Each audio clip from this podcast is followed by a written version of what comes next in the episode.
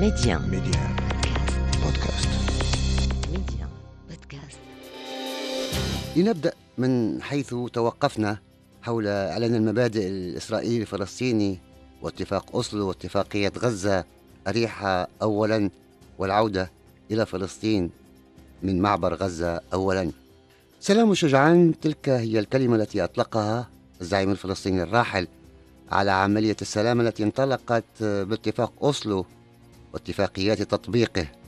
غزة أريحة أولا أوسلو الثانية ويريفر الأول والثاني. وفي الرابع من ماي 1994 تم توقيعه في القاهرة على اتفاق تنفيذ الحكم الذاتي في قطاع غزة ومنطقة أريحة وكنا حاضرين. وجاء في النص الطرفان حكومة دولة إسرائيل ومنظمة التحرير الفلسطيني التي تمثل الشعب الفلسطيني. الديباجة. يؤكد الطرفان في إطار مسيرة السلام في الشرق الأوسط التي انطلقت في مدريد في أكتوبر 1991 عزمهما على التعايش السلمي في ظل الكرامة والأمن المتبادلين مع الاعتراف بحقوقهما المشروعة والسياسية المتبادلة.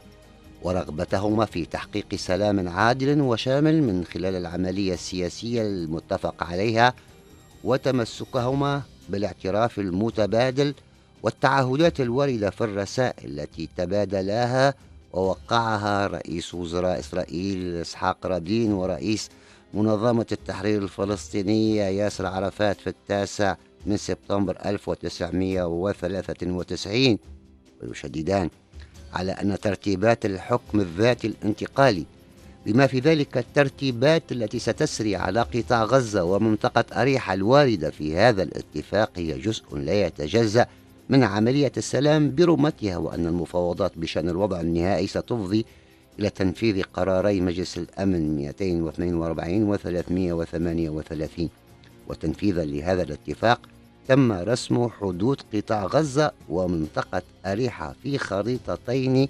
مرفقتين به. وبعد أسبوع على التوقيع بدأت القوات الإسرائيلية في الانسحاب من القطاع ومنطقة أريحة. قصة غزة. بعد الحرب العالمية الأولى أصبحت غزة جزءا من فلسطين الخاضعة للانتداب البريطاني.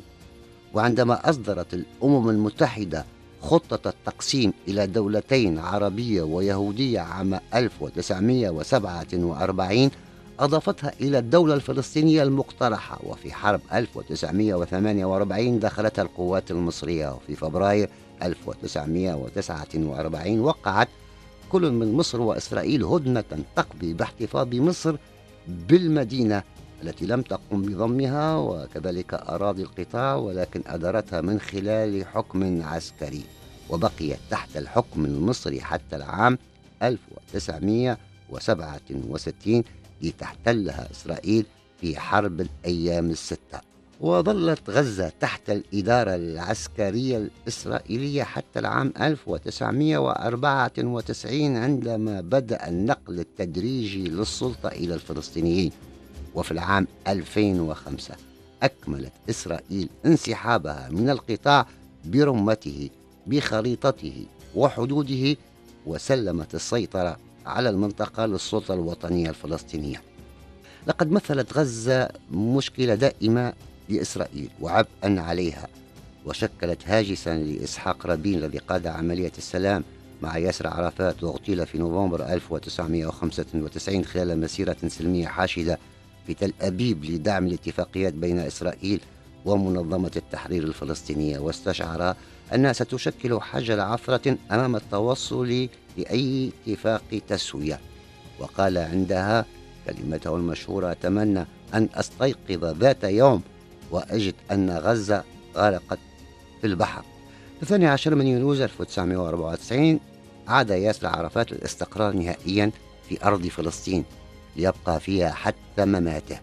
وفي مقره في المنتدى غرب مدينة غزة بدأت معركة بناء السلطة الوطنية الفلسطينية وإقامة مؤسساتها وأعمار قطاع غزة عبر المنشآت والبنى التحتية الكبرى.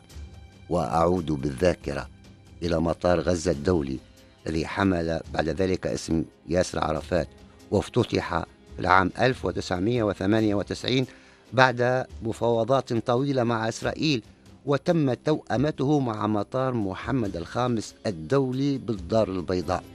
وقد أنشئ المطار بتمويل من اليابان ومصر والسعودية وإسبانيا وألمانيا وهو من إنجاز معماريين وأطر مغربية ليكون على شاكلة مطار محمد الخامس. وتم تمويل المهندسين على نفقة العاهل الراحل الحسن الثاني وبصم المغاربة على معلمة عمرانية ضمن هذه المنشأة.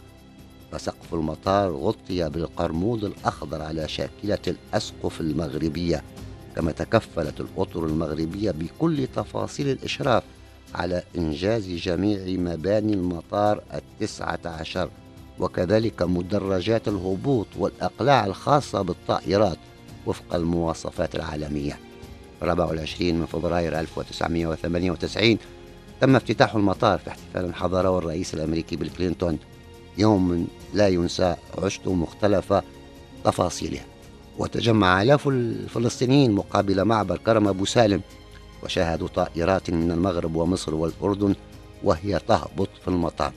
لكن قبل ذلك حطت طائرة مغربية بالمطار قبل تدشينه الرسمي كان ذلك في 17 من يونيو 1996 وجاء في شهادة لأحمد البياز الرئيس السابق للمكتب الوطني للمطارات. قرر الراحل الحسن الثاني أن تكون أول طائرة تحط بمطار غزة بعد أن أصبحت أرضيته صالحة للاستعمال طائرة مغربية. واستقر رأيه على أن تكون طائرة عسكرية من طراز هرقل سي 130 وكان على متن الطائرة صحفيون وبعثة تلفزيونية. صعدوا مثل كوماندو رومانسي لا يحلق من أجل الدخول إلى الأجواء في غزة بل يحلق من أجل الدخول إلى التاريخ. والحديث بقية في اللقاء القادم.